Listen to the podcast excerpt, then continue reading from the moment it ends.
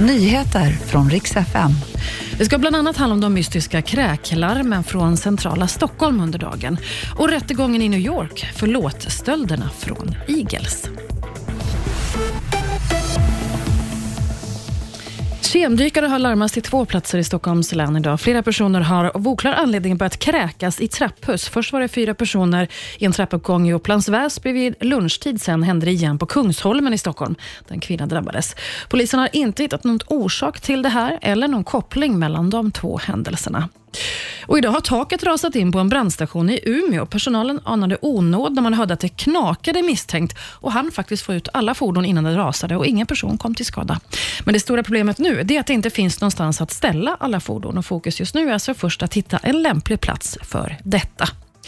Idag startar rättegången i New York mot tre män som har planerat att sälja handskrivna texter, bland annat till den klassiska låten Hotel California och en rad andra texter och anteckningar från gruppen Eagles.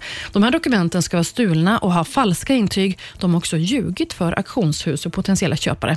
De nekar, men låttexterna värderas till över 10 miljoner kronor. Och Det var också nyheterna. Jag heter Maria Granström.